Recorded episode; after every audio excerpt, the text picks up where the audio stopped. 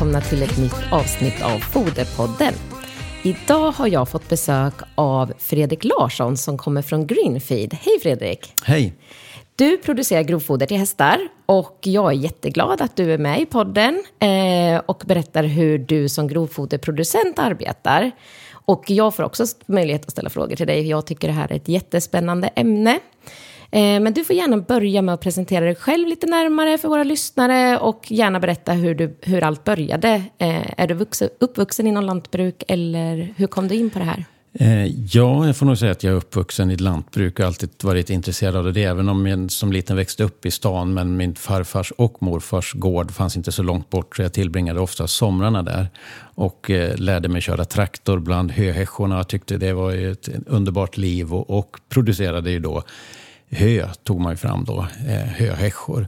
Eh, det var så det började. Sen eh, flyttade vi ut till landet och då började jag aktivt med hästar också. För på landet höll alla på med hästar, alla tjejer. Och även jag tyckte det var kul, även om jag liksom växte upp som en normal kille i stan med fotboll och ishockey och idrott och sådär Så började jag med ridsport och tyckte det var fantastiskt kul. Eh, höll på med det väldigt mycket ett tag i, i tonår och, och 20-årsåldern och också förstod vikten av att producera sitt eget foder. Jag har alltid gjort det. Och sett det som en, en, eh, en viktig sak för, för både ekonomiskt och för hästarnas bästa så att säga. Eh, sen eh, har vi väl hållit på med hästar i familjen hela tiden och följt ett hästintresse. Både jag och min fru har det och min dotter idag. Och även produktion av foder har jag väl hållit på med på sidan om hela tiden, aldrig släppt sin till och sen tagit fart i den och känt att ja, men det här går att göra någonting av, göra någonting bättre och utvecklat det successivt de sista 10-15 åren till att, att bli de sista eh, fyra åren har jag gjort det på heltid. Då. Yeah det är så- kul att, det, att utvecklingen har gått åt det hållet. Ja, Ja. Eh, Jag tycker att det här är jättespännande och vi foderrådgivare pratar ju väldigt mycket om att det är viktigt att ha ett bra grovfoder med en bra kvalitet. Eh, och därför så tänker jag passa på att ställa alla de här frågorna som jag tycker, som jag vill ha svar på. ja. Eh, men jag tänker så här, hur mycket foder producerar ni på Greenfeed varje år? Eh, vi producerar ju någonstans runt 10 000 balar och då pratar jag stora fyrkantsbalar. Ligger det där omkring som vi gör. På, vi kör på ungefär 400-500 hektar. Det har vi gjort de senaste två åren. Då. Vi har växt eh, ganska kraftigt de sista åren. Så då. Eh, Samarbetar du med andra lantbrukare då eller har du, arrenderar du mark eller hur, hur har du expanderat det? Eh, Jag vill samarbeta med andra lantbrukare och det var väl en, en viktig del i att komma ut med det. Jag kommer ihåg från början när jag började med det här var jag på, på ett föredrag på eh, Strömsholm djursjukhus där Cecilia Müller var med och, och det var några som berättade och jag berättade om min verksamhet och frågade Cecilia då som jobbar på SLU och är väldigt duktig inom, inom fodernäring då.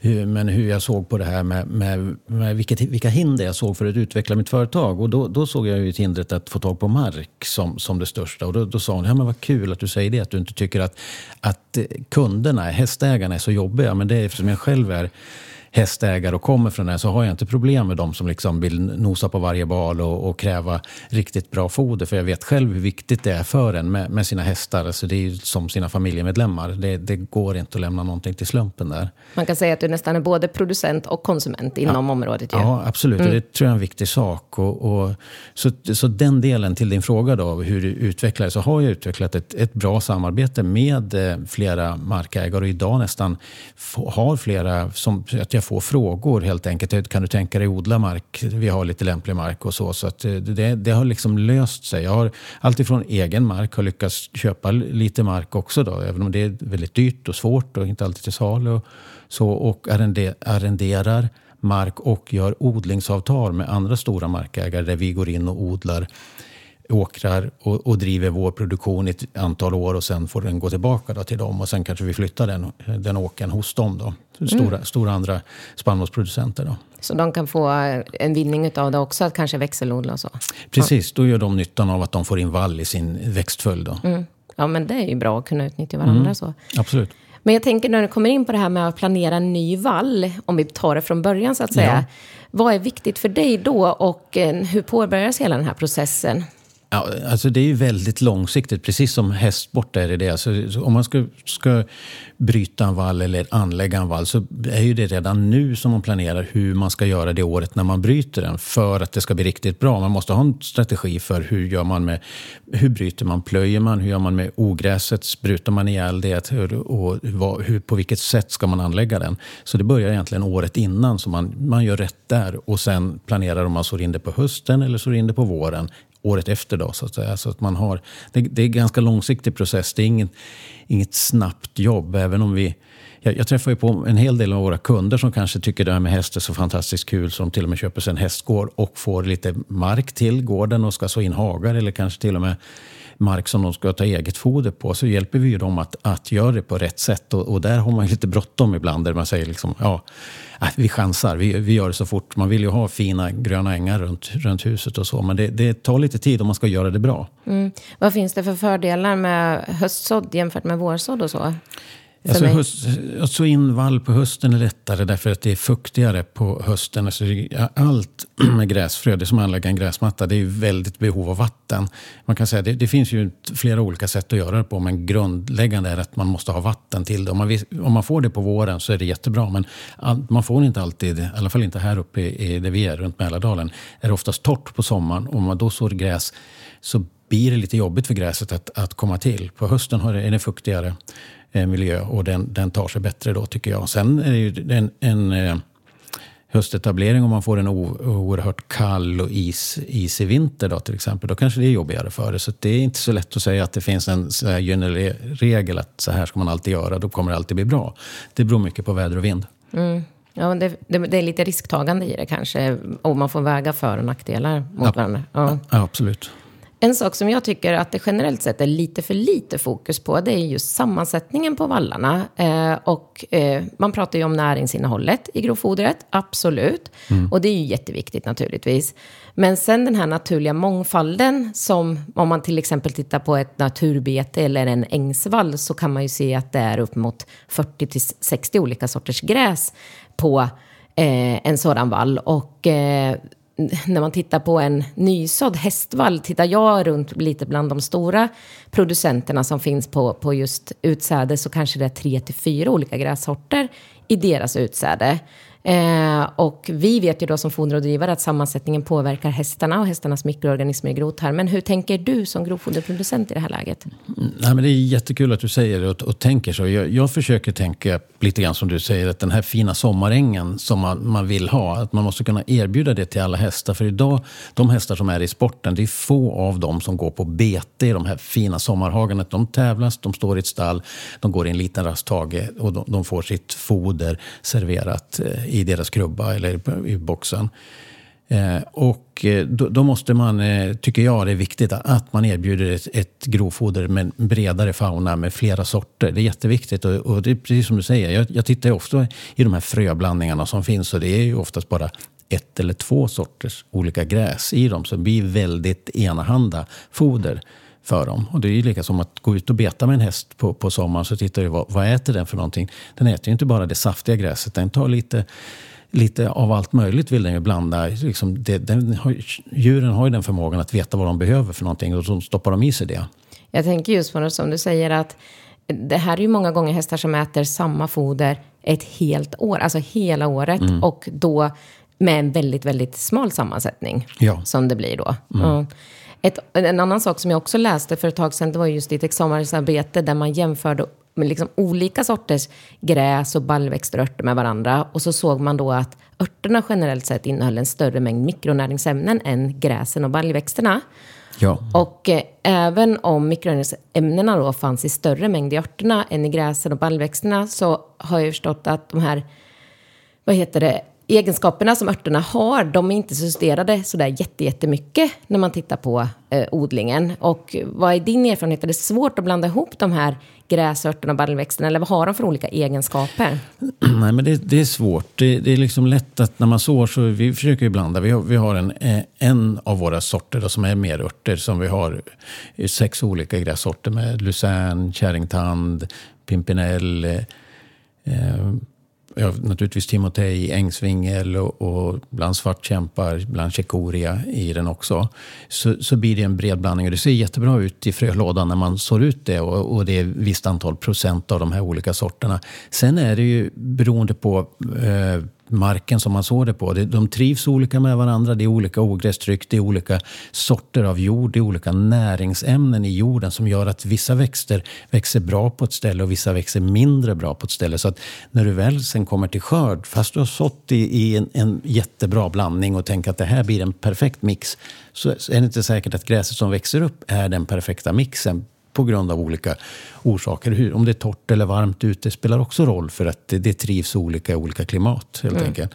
Så att det blir kanske inte alltid den perfekta blandningen. Ibland blir det det och ibland blir det inte riktigt perfekt. Och det är därför lite, tror jag också, det är jobbigare att odla ett ett gräs med, med, flera sorter i. För att då, då, ställer det högre krav att få det riktigt bra. Ibland blir, blir balarna olika. Att man, man kan få en bal som bara innehåller en del av, av de här olika grässorterna, då tror man ju kanske att det är något fel på, på fodret medan en annan ballinner ser lite annorlunda ut. Medan om man har ett, en eller två sorters gräs då får du inte så mycket olika utan då, då får du en, en, ganska homogen produkt och det är många tycker att det är enkelt och bra.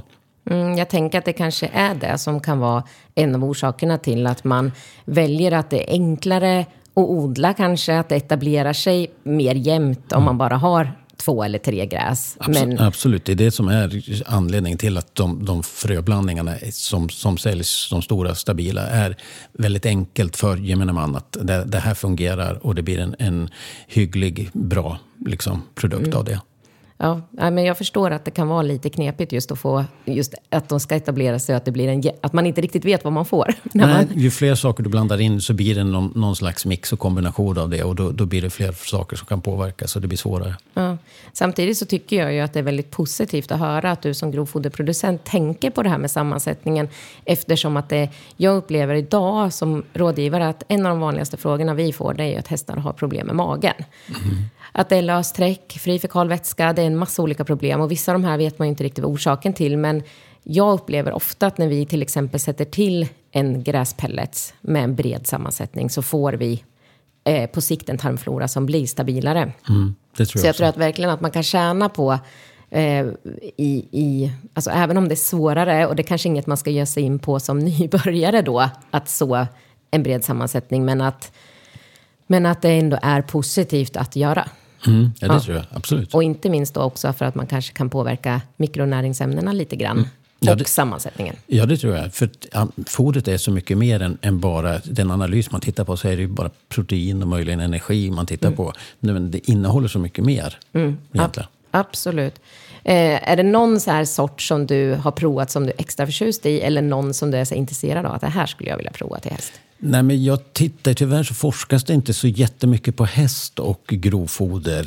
Tyvärr, det, det, så man får titta på det de gör på, på nötkreatur, då, andra gräsätare. Och, och där är ju lucern och, och kärringtand, eh, som är baljväxter, då, populära och är, liksom, anses som en vitamininjektion för alltså att allt, eh, allmäntillståndet blir bättre på djuret. Att det blir en, en näringsriktigare och mer vitaminer säkert i, i fodret. Och det, det, är lite grann åt det hållet jag vill kika. Då. Jag skulle vilja ha att vi får mer forskning till det. Nu är ju Sverige ett, ett bra land, eller ligger i framkant med sporten. Och vi borde liksom se till hur kan vi fortsätta behålla det. Att inte bara tro att fodret kommer, kommer enkelt, utan att man, man tittar på hur utvecklar vi det. För tittar man på kosidan så läggs det ner en otrolig energi att utveckla nya fodermedel för att få bättre produktion.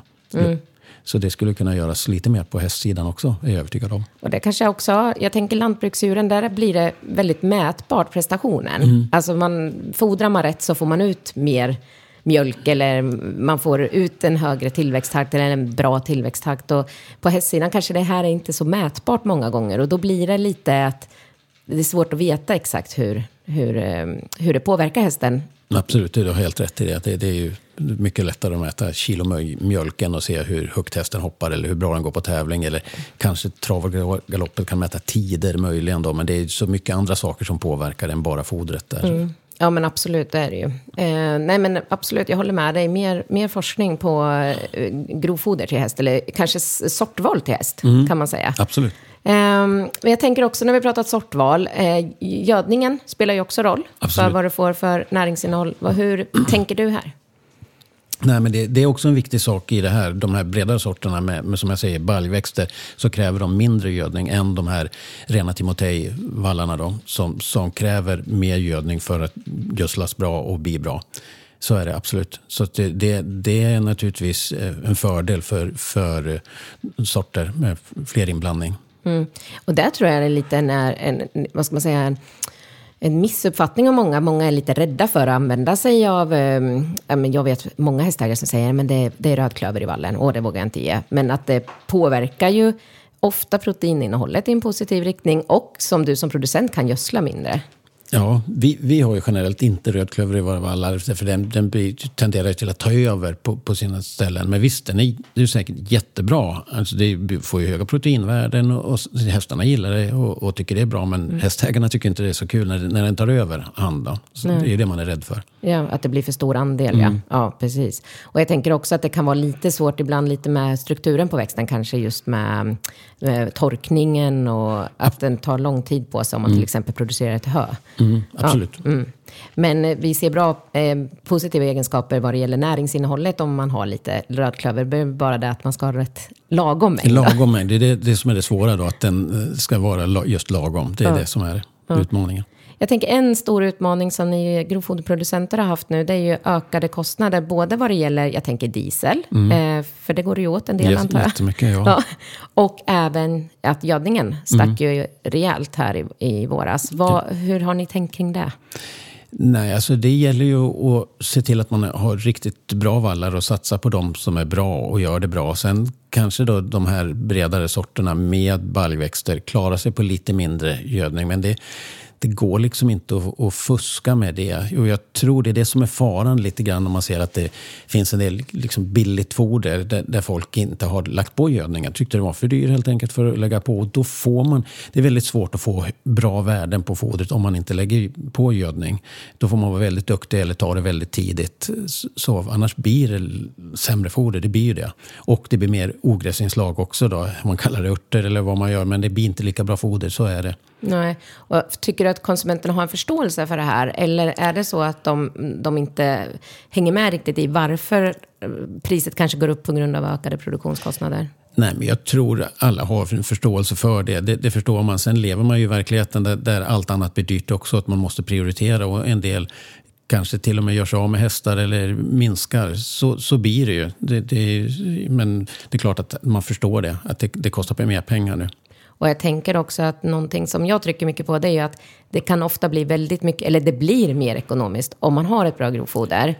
Och som en bas är det ju alltid den största delen i hästens foderstat att har man ett bra grovfoder så blir det alltid billigare och enklare. Ja, det- ja, det tror jag absolut. Ett bra grovfoder, om man tittar det kontra då kraftfodret som har, har snabbare tagit eh, den här prisbilden, alltså prisökningarna eftersom priset på kraftfoder sätts ju på priset på spannmål, egentligen vete som sätter priset på de flesta jordbruksprodukter. Och det, det ju, slår ju blixtsnabbt på börsen, eh, på råvarubörserna och då går priset upp på, på spannmål ända ner till, till kraftfoder till hästar också. Som, som har blivit mycket, mycket dyrare kanske än vad det hade behövt göra egentligen i produktionskostnader eftersom det är en världsmarknad och ett krig och andra saker som påverkar det. Ja, det är en väldigt orolig värld. Men jag tänker också att eh, jag räknar mycket foderstater där det till exempel saknas protein. Och Mm. att dagligen sätta till till exempel lucern som en baljväxt Mm. vid sidan av eh, ett kilo per dag. Det blir också dyrt. Ja. Istället för att köpa in ett grovfoder som har det. Ja, ja, det- det redan har ett bra näringsinnehåll så att Ja, säga. självklart. blir det, det kommer vara alla dagar i veckan är det mycket mer ekonomiskt. Jag tänker, sen kommer vi fram till att man ska slå grovfodret. Och eh, här är det också en hel vetenskap, tänker jag. Ja, det, det är det ju. Hur eh, gör ni när ni ska slå? Tar ni någon prognosanalys eller kör ni på känn? Ja, vi, innan vi börjar skörda så tar vi prognoser så man får en, en känsla för det. Sen finns det ju så på, på, på nätet finns det ju sådana vallprognoser som ligger ute som man ser när, när det är optimalt. Sen är det ju, när man sysslar med foder till hästar så är ju teshalten väldigt viktig. Även för hästen men även för, för hästägaren att inte få för mycket vatten i, i, i balarna. Då. Så att det, det är ju vädret som styr att det är fint väder också. Inte bara att det, gräset ska vara optimalt i skördeläge utan det måste vara vara gynnsamt där, så det går att torka gräset. Annars blir det inte säljbart heller, även om det är perfekta värden på det och det är väldigt blött. Det är nästan värre än att ha det lite sämre värde men perfekt alltså, torr substans. Då. Mm. Jag tänker just att det kan ju vara så, många hästägare hanterar ju fodret väldigt manuellt så att Mm. säga. Man väger och släpar och konkar och, och då blir det ju väldigt, väldigt tungt också. Och man får hantera väldigt mycket vatten Ja, om det ja. är blött. Nej, det går ju inte. Utan, nej. Då, utan då, så T-salten är någonting som du... Eh, det blir viktigt för dig när du slår. Ja, Ja. det är rätt. Att det finns fint väder så att vi kan slå och sen två till tre dagar fint stabilt väder. Mm. Det, det är jätteviktigt. Så förtorkning gör du ungefär två, tre dagar. Ja, lite beroende på. Ti- Ju tidigare man är, ju hårdare att torka. Ju senare man är i, på säsongen så gräset innehåller mindre vatten. I början är det mer must i det så att säga. När det, Gud vad spännande det här är. Eh, jag tänker, eh, stubbhöjd pratar man ju också Mm. lite om. Absolut, det är jätteviktigt. Ja. Varför är det där om? För våra lyssnare som... Ja, alltså stubbhöjden, ju högt man klipper gräset, ju högre man klipper gräset, inte vissa gränser, men vi klipper upp till 8 till 10 cm, 12 cm ibland, så, så blir det, jag tycker det blir mycket bättre. Du får gräset att ligga en bit upp, du får inte undvika jordinblandning, det torkar bättre, det blir finare gräs än att vara riktigt nere på marken och, och ta de där sista eh, centimetrarna från marken. Det är inte där, liksom, det är inte ett fint gräs det. Du får med liksom, skräp och gammalt från förra året i regel då. Du, och du säger när du torkar det här fodret, eh, vänder ni fodret då eller ligger det bara? I, eh, I regel tork, eh, vänder vi på det minst en gång för att få det genom, ja, torrt, jämnt torrt också. Mm, Annars går det åt för många dagar. Det tycker jag också är ganska vanligt. Hästägarna säger att ja, men jag köper in från samma parti och det ser så olika ut. Och där tänker jag att då får man ju tänka lite om, om det är ett skuggigt parti till exempel på åkern. Och det kan ju vara balar som är pressade som har kanske haft mer skugga naturligt. Absolut. Och att det är samma näringsinnehåll fast vattenhalten kan variera lite beroende på Mm. hur det har torkat. Så att det behöver inte betyda att man inte har fått från samma vall utan Nej, nej så, så är det ju. Det, det är ju väldigt skillnad. Alltså, alla åkrar är inte fyrkantiga utan åkerholmar eller skugg, skuggsidor som påverkar. Det är ju så. Och det, och det är någonting som jag får förklara många gånger. För Ja. att eh, man blir så orolig. Ja, men det är inte samma foder. Jo, men det kan absolut vara. Men det kan, vara, det kan ha legat olika och torkat olika. Och det moderna lantbruket idag har ju så stora åkrar i, i, i regel som, som det går över olika vad heter, variationer på jorden. Förut så kanske man, förr i tiden så hade man en åker för varje jordart och väldigt små bitar för att då visste man att den här var gynnsamt för det och den nästa. Men nu har man en åker av alltihopa kanske och då, då får man välja variationer också på växt, växtligheten. Sen pressar ni fodret och du sa att du gör fyrkantsbalar. Eh, ser du någon fördel eller nackdel med fyrkantsbalar jämfört med rundbalar? Jag tycker att fyrkantsbalen gör en hårdare bal. Den kastar upp och trycker, liksom pressar på varje kaka som det blir i. De trycker en rundbal. Det finns jättebra rundbalspressar som säkert pressar. De säger att de gör lika hårda balar som, som eh, eh, fyrkantsbalarna. Det, det, det, jag, kan inte säga emot det, men jag tycker det blir en, en jämnare, bättre produkt med en, en fyrkantig bal. Det, och sen, vi som säljare också är ju det mycket, mycket bättre att transportera än vad en rundbal är. Mm, det är klart. Men säljer ni bara storbalar eller har ni småbalsproduktion också? Nej, vi har ju små balar också. Alltså, riktigt små balar som är då från, eh, beroende på TS-halten, med, med 16 till 20, 25 kilo. Ja. Vad är det för är det eh, en, alltså hästägare där man är kanske en häst som köper det eller är det som tävlingshästar där man vill ha med sig foder på transport? Och, Det, det mesta är ju tävlingshästar som har med sig det när de tävlar och eh, en hel del tävlingsarrangörer som köper och erbjuder det på tävlingsanläggningen till de hästar som kommer dit. Och också ryttare som åker ut och, och tävlar, ligger ute på, på meetings. Det. Men det finns också hästägare med, med en eller två eller tre hästar vill ha ett smidigt foder hemma och tycker det är lätt att hantera det. Kanske inte har några maskiner och ett litet stall utan de, de kör med småbalar hela tiden. så att eh, det finns något för alla, men ni har inte torrt hö utan den ni plastar bara eller? Vi gör en del torrt hö också där där vi torkar på, på fält så att säga. Eh, allt eh, torkar på slag som det heter och vi gör eh, stora balar av det. Och- och plastar i regel in dem, så det är inplastat hö. Det, är ingen, det blir ju ett, ett blekt och vekt foder, eller så blekt, inte det här gröna fina. För det viktiga i det är att den ska vara torr för de hästar som är känsliga i magen och inte tål ehm, en, ett hösolageprodukt där man har en ensileringsprocess i det. Nej. Och det där är ju så märkligt, för ibland upplever jag att hästar kan reagera till och med även om det bara är plastat. Förstår du? Att det Ja. behöver inte vara ens en ensileringsprocess. Utan, och, och det här är ju någonting man inte riktigt vet forskningsmässigt varför de reagerar. Men det är väldigt intressant att vissa till och med är så känsliga som kan känna att det har varit plastat. Även fast många blir bättre om det är lite torrare TS då. Men, men problemet är ju alltså torrt hö är ju väldigt svårt att, att göra och lagra på ett bra sätt. Ja, precis. Jag tänker att eh, just lagringsdelen på ett hösolage, och det är säkert därför den, Mm. både vad det gäller att man behöver inte ha lika många torkdagar, och sen att eh, lagringen eh, Mm. kräver inte att du behöver ha det inomhus, eh, utan då kan du lagra det utomhus när du sätter en plast på. Nej. Ja. För vi skulle, alltså, rent teoretiskt och möjligt skulle vi kunna producera hö i lite större balar då till ett stall om de vill ha det. Men då får de ju liksom köpa allting på en gång i regel och ta den, kunna lagra det. Och det är få som kan det, utan då vill de ju hämta några balar då och då. Och då äh, det funkar inget bra. Så ni kan man säga, ni har lagringsmöjlighet i plastade balar ute, men inte lagringsmöjligheter på hö? Nej. Nej, så det har egentligen är det lagringsmöjligheten som begränsar? Ja. Ja, och det tror jag det är för kunden också. Det är ju likadant man tittar idag hur, hur stallen ser ut. Idag byggs inte stallar med stora foderloft uppe på utan det är en liten foderkammare. Och, Och, och jag tänker att det är risken med att det, kan vara ganska svårt att lagra hö. Så att jag vet av egen erfarenhet att ibland kan man köpa hem fodret och är man minsta slarvig med hur man lagrar det så blir det dåligt Ja. ganska snabbt. absolut. Ja, så det ställer en hel del krav på lagringen på höet. Men när ni, när ni gör bollarna, pressar ni dem eh, samtidigt som ni plastar eller? Vi, ja, vi plastar dem ju. De går, pressen kör och sen lägger den på marken och sen kommer plastaren och plastar upp det direkt efteråt. Så nära som möjligt. Vi, inte mer än eh, 20 minuter efteråt ska balen vara plastad och klar. Så Mm. det, det ligger ju inte att, att det går först en, en stund och sen kommer det eh, en halv dag senare. Ja, utan det, det går Hur många är ni som kör när det är högsäsong? Jag tänker det går åt kanske lite folk.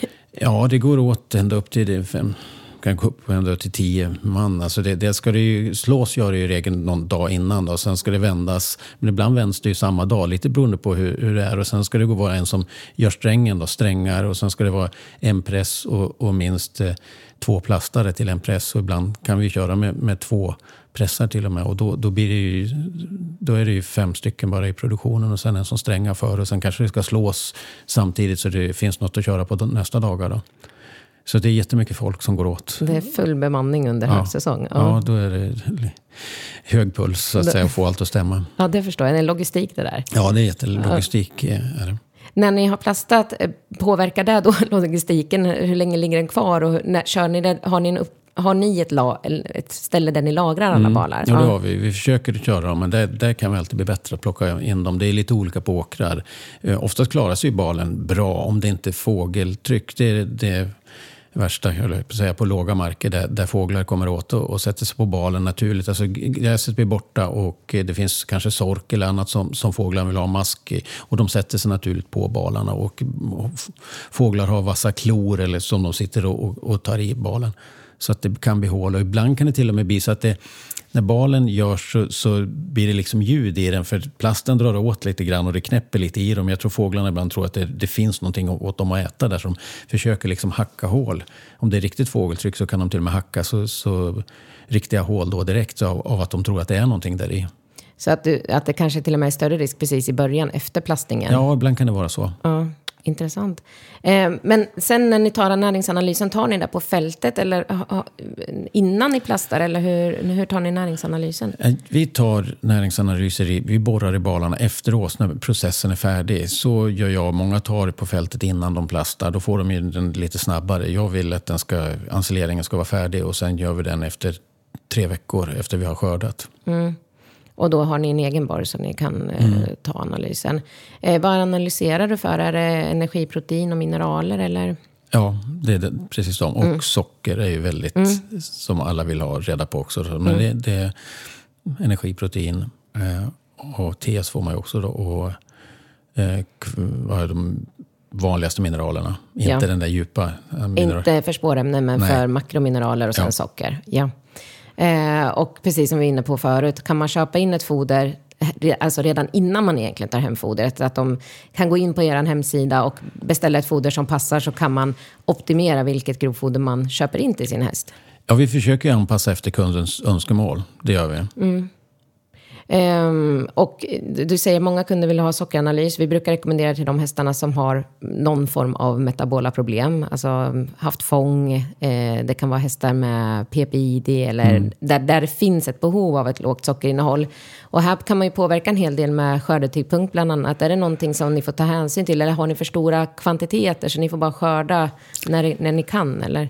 Ofta är det väder och vind som styr och vi, vi kör när det går. Sen, sen skriver vi upp och, och vet, men, men jag kan inte se något egentligt mönster i det. Jag har pratat med folk som har försökt forska på det och försökt sagt att man ska slå på tidig morgon och en del säger att nej, det stämmer inte alls. Man ska, kan lika bra slå när solen skiner som bäst och, och så. Så det är väldigt svårt att se ett mönster i det. Och en del säger att det ska torka under dåligt väder, alltså inte den här klara solen som gör att det torkar snabbt, att det ska ha stressat gräset för då har det mycket socker.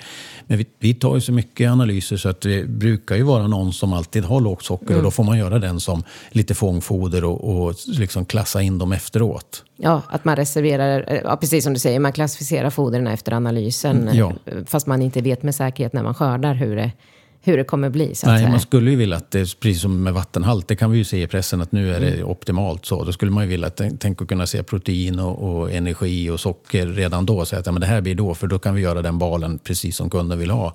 Nu är det lite svårt att veta det. Det blir ju en chansning. Ska vi göra stora? Ska vi göra små? Ska vi göra liksom... Mm. Det, det är en tanke där. Och jag tänker ju sockerinnehållet, jag har läst just det här med att det är lägre på morgonen. Men Mm. såklart så påverkar ju andra saker också. Jag tänker just, eh, vi vet att engelskt rajgräs har ett väldigt högt sockerinnehåll generellt. Är det någonting som du tar hänsyn till eller är det mera sammansättningen i sin helhet i fodret? Nej, vi undviker rajgräs av den anledningen att det sägs att det har högt socker, hög energi och hög socker. Så är det ju. Sen, är det rätt intressant. Tittar man ute i vä- världen och i Europa så är det jättemycket foder som innehåller rajgräs. Och till, till eh, mjölkkor så är det ju populärt för det innehåller mycket energi och det vill man ha det. Och sockret spelar mindre roll. Det tar de inte hänsyn till. Det kanske de till och med tycker är bra. Ja, men precis. Att det kan vara, men det är lite olika. Jag brukar säga att en mjölkko, den är ju det mest högpresterande vi kan ha egentligen. Och hästarna, de ligger ju ofta betydligt lägre. Eh, men jag tänker, vi har ju gått igenom hela processen. Är det någonting som du tycker att vi har glömt att, att ta upp vad det gäller liksom själva produktionen av fodret som vi borde ha nämnt? Nej, jag tycker du har fått med hela från, från förberedelser. Och, och, ja, det kanske är marken då, att liksom man har koll på, på vad är det för mark. Och, och gör, nu är det ju, vi gör en del eh, markkartering, alltså så vi får reda på det. Man kan utläsa av sina analyser också hur mycket kalcium och fosfor man har i, i jorden och styra lite gödningen utifrån markanalysen och analysen på fodret. Så det speglar ju också hur, hur marken avkastar, eller vad den, vad den ger. Då. Ja, för det tycker jag ofta man kan se trender. De hästägare som jag hjälpt i många år, det, då vet jag nästan innan jag öppnar analysen att ja, det här brukar alltid vara en omvänd kalciumfosforkvot. Ja. Eh, för att de har lågt kalciuminnehåll. Eh, vad tycker du så här, avslutningsvis då? Vad är roligast med att vara grovfoderproducent? Alltså det roligaste det är ju när man, när man kan se det när, när hästägarna lyckas. När de kommer och säger åh mina hästar blir fina och de går bra. Då är det jättekul. Liksom att se att ja, det liksom är, det, vi gör någonting rätt då kanske. Att, att hästarna blir bra, blir bättre. Det, är- det är som jag säger, liksom, som jag har som slogan och säger till alla som jobbar för det. Greenfeed gör hästar bättre. Det är det vi gör. Vi gör inte balar, vi gör hästar bättre. Det, det måste vara det, vi måste tänka lite längre. Mm. Ja, men det är väl jättebra tänk, tänker jag. Och jag förstår den här känslan när man eh, får den här feedbacken från, från hästägarna. Det är den bästa känslan, tycker jag. Ja, men som hästägare så söker man ju alltid i det här. Vad kan jag göra för att göra min häst bättre? Då? Finns det någonting? Finns det, man, det är ju därför de här pillerburkarna som man kan köpa tillskotts är, är så fascinerande. För man, man ger nästan var som helst för att få den att hoppa högre, dansa vackrare, springa fortare. Bara man hittar den genvägen. Men den är inte så lätt att hitta. Man, ofta så missar man början, tycker jag. Mm. Eh, är det någonting som är speciellt svårt, tycker du? Att det, det här är det svåraste med att vara grovfoderproducent? Alltså det är ju vädret som man inte kan göra någonting åt. Det är ju bara att åka med. Man förbereder allting och så öppnar sig himlen fast den inte skulle göra det. Och då känner man att ja, det är inte så kul att ha. Kanske vi skulle kört 500-600 bal eller kanske mera idag och det regnar. Då är, då är det inte roligt. Då får man vara flexibel. Ja, Ja. Var, sommaren 2018, då hade ni kanske också... Var det, var det svårt då? Ja det, ja, det gick ju fort. Vi skördade stora arealer och fort, men det blev ju få balar. Och sen fick vi sitta och köra sånt som var ganska tråkigt egentligen. Såna här trädade marker och, och kantzoner och, som var mycket sork och mycket liksom, dåligt foder egentligen som inte alls var kul. Att, att få i balarna med jord och inslag. Ja, nej, det var inget kul. Ren första hjälpen-lösningar egentligen, Ja. sådär, för att bara få någonting, något stråfoder. Ja. Ja. Ehm, jag tänker många som kanske försöker producera sitt eget grovfoder och jag har ju förstått att det här är ju inte helt lätt. Jag ser ofta analyser som inte alls eh, är speciellt lätta att jobba med. Hur tänker du? Med, eh, har du några tips att ge eller? Nej, men det, så det gäller ju att veta vad man håller på med, vara duktig med det och sen kanske ta hjälp behöver man göra för maskinerna är så oerhört dyra idag. Att, eh, om man inte är duktig på att hålla maskin, gamla maskiner igång då eh, Så är det. Så det, det, nej, det, det, är, inte lätt. Nej. Och att man kanske ibland tjänar på att faktiskt eh, eh, köpa in sitt foder eh, istället för att försöka producera sitt foder. Ja, jag tror ju det, både ekonomiskt och tidsmässigt, alltså mot att, att man ska ta på den där lilla fina åkern som man har. Ska man leja in någon som ska komma till en och skörda det så är det är inte gratis att göra det. Och till att det ska vara rätt dag när, det, när allt stämmer. Och, och få det och få balen och, och bli så, så bra som man vill och få ett optimalt foder. Då är det mycket lättare att komma till oss eller någon annan och köpa och kunna titta på en analys innan. Vad är det jag får? Till och med många gånger till kunder så skickar vi någon provbal innan så man vet att ja, men det det här är okej att, hästen, att det funkar med hästen. För det är ju en sak, analysen är en sak. Sen är det ju också eh, hygieniska kvaliteten, TS-halten och, och hur, hur Smakligheten. smakligheten är som inte analysen säger någonting om. Nej, men precis. Och då, där är det ju mycket... Står man där med ett jättelass som inte blev bra, då ska man hantera det då. Ja, då tror jag det är bättre man ägnar sig åt att träna sin häst och, och gör något sånt istället för att man försöker liksom göra, vara i allting och, och kunna det också. Jag- Jag tror det, det man biter sig själv i svansen och, och tjänar nog inga pengar på det i längden. Det tror jag inte. Om man inte har jättemycket hästar, så det beror ju på, någonstans går ju gränsen. Har du 30, 40, 50 hästar, det är klart att det blir ekonomiskt att, att ha egen. Men då kanske man också har en, en maskinpark och inte står...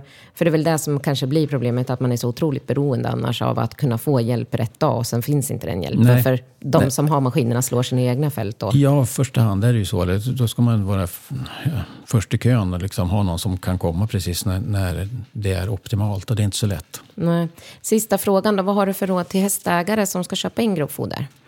Nej, men se till att ha en bra relation med sin eh, producent i grovfoder så att man eh, liksom vet vad man har varandra. Eh, vad man, att man får det man önskar. Och eh, om någon av lyssnarna skulle vilja komma i kontakt med dig då, Fredrik, hur, eh, var får de tag i dig? Eh, ja, Greenfield finns ju på, på nätet eh, och på sociala medier så där finns mitt telefonnummer och de får gärna komma med frågor och, och så. så. Ja. ja, det är trygghet att ha en producent som har stor erfarenhet, tänker jag. Ja. Vi är jätteglada att du har varit med och svarat på massa frågor. Jag tycker det här är jättespännande. Är det så att man eh, har en analys och man vill ha hjälp med en foderstatsberäkning och rådgivning så kan man höra av sig till oss på Hippolyt också. Då kan man mejla info.hippolyt.se eller så kan man ringa 0413 486 100. Och annars så känner jag att vi kan tacka så hemskt mycket för idag, Fredrik. Jättekul att du var med oss. Mm, roligt att vara med. Ja, tack så mycket. Hej då.